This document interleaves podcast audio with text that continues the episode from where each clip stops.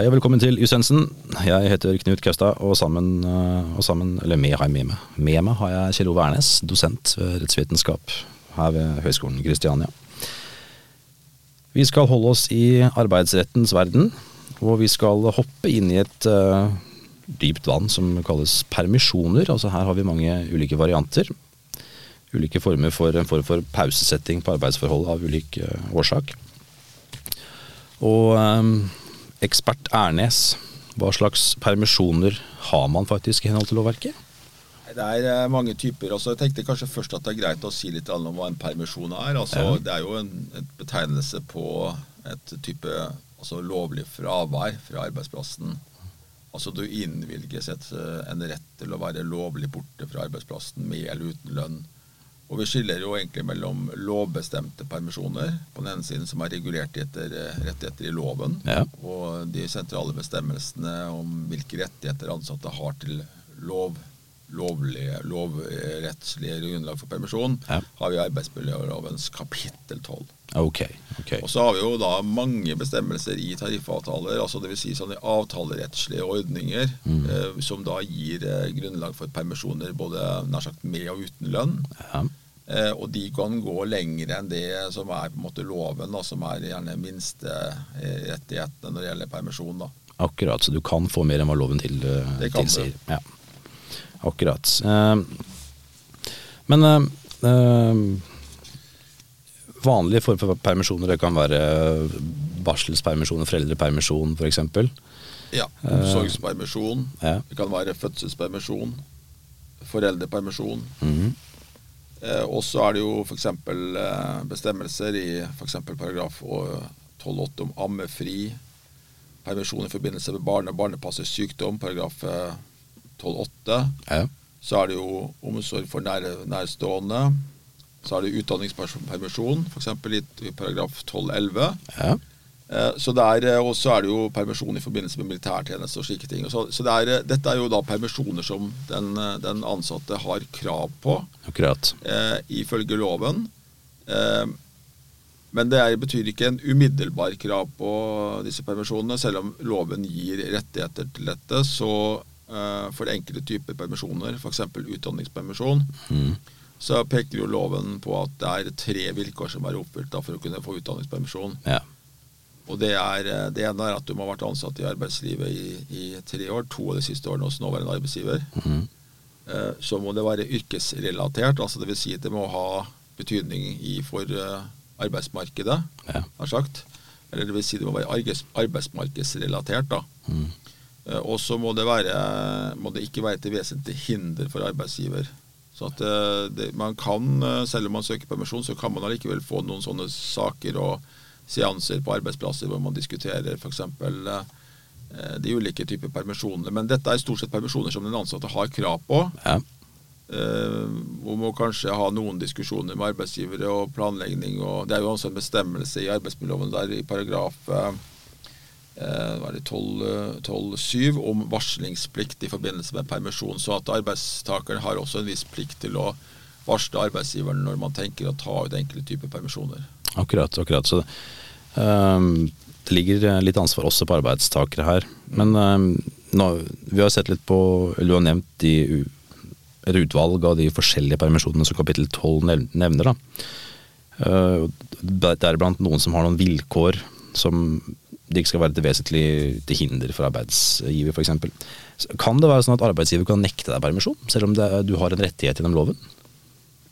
Eh, det må jo da være f.eks. hvis man eh, tar et, et, konkret eksempel. altså Hvis man eh, har ikke forholdt seg til varslingsplikten, da, mm. så vil jo det kunne få betydning for eventuelt fra hvilket tidspunkt eventuelt permisjon kan innvilges. Mm. Men jeg ser jo for meg at det kan være visse vanskeligheter med å nekte noen enkle typer permisjoner, som fødselspermisjon og, ja. og slike ting. Så, men når det gjelder utdanningspermisjon, så kan man nok da i en, i en viss grad kunne tenke at dersom man søker veldig seint om en slik permisjon, eller at det da er vesentlige utfordringer med å klare f.eks. i forhold til bemanning, altså kritisk bemanning, ja.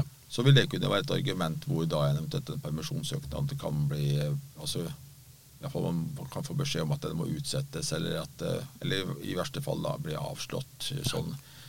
Eh, det betyr jo ikke at man ikke kan søke på nytt senere, men, men det er jo eh, dette med et overordnet ansvar også for virksomhetens behov, Ja. som også må ivaretas av arbeidsgiver. da.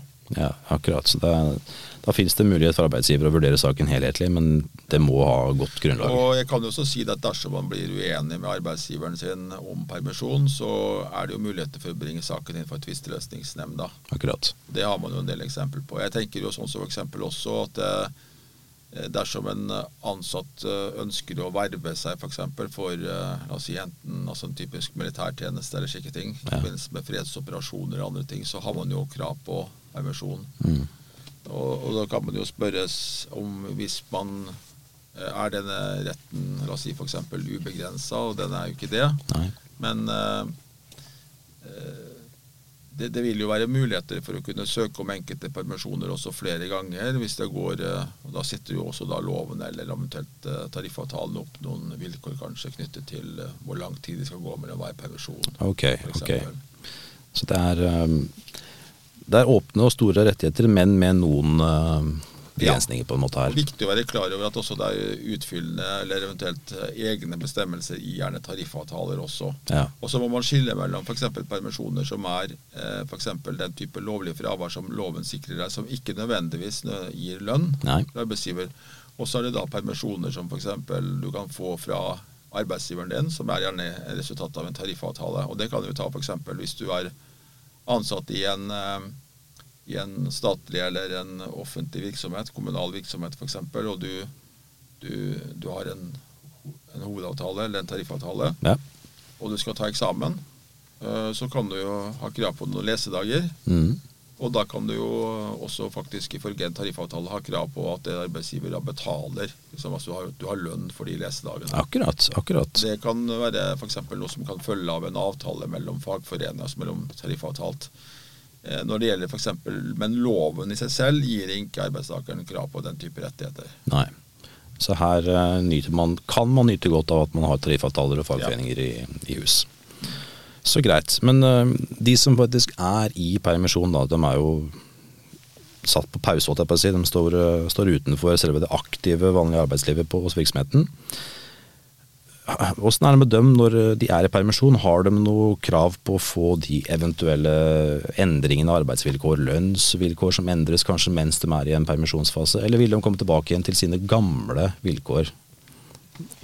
U- Utgangspunktet er jo gjerne at uh, det, det er, dette vil jo da følge av avtaler Mm. som da eh, følger. Og det jo, vil variere, så det er, det er ikke lett å svare helt sånn uh, Nei, helt det er ikke noe fasitsvar. Det, det, det finnes ikke noe fasitsvar på det. Nei. Men uh, det, er, det er vanlig både at arbeidstakere følger liksom systemet i forhold til at man både får uh, godskrevet den tida man har som permisjon, i forhold til f.eks. Uh, ansiennitet og lønnsforhøyelser og slike ting. Det er jo Det kan også være eksempel på at man kanskje ikke får det. Ja. Men eh, det er, eh, det er jo flere tilfeller også hvor man er med, allikevel med i systemet selv om man er i permisjon. Ja. Jo, det finnes noen bestemmelser i den likestilling og diskrimineringsloven som går på foreldrepermisjon. De har jo noen rettigheter til å komme tilbake igjen til, eller nyte godt av de godene som forbedres i sitt fravær. Da. Ja. Så de har jo en, en liten gunstig rolle, men andre formpermisjoner har kanskje ikke de samme rammene sånn sett. Nei, og, og det er klart at uh, det har jo mange som har vært opp, opplevd at de eh, Og det skal vi komme litt tilbake til i andre temaer, kanskje. Men altså det at man f.eks. også har opplevd at jobben har blitt omkalfaltrert Ja. mens man har vært borte. Mm. Eh, hvis man gjerne har vært borte, la oss si for i fødselspermisjon og hatt en lengre fravær fra jobben, da. Mm. Så kommer man tilbake og kjenner ikke igjen sin egen jobb. Nei, det er jo faktisk eksempler på. Ja. Det, men det berører en del andre temaer i arbeidsrett som jeg regner med at vi kan snakke om en annen gang. Det kommer vi helt sikkert inn på. Det er mye vi kan uh, Mye snacks vi kan kose oss med i arbeidsretten. Ja. Men jeg tenker vi har vel egentlig gitt et uh, greit innblikk i helt essensiell permisjonsregelverk i arbeidsmiljøloven. Så da håper jeg at dere har uh, nytt godt av det. Og så høres vi igjen seinere i en annen episode. Hei, hei.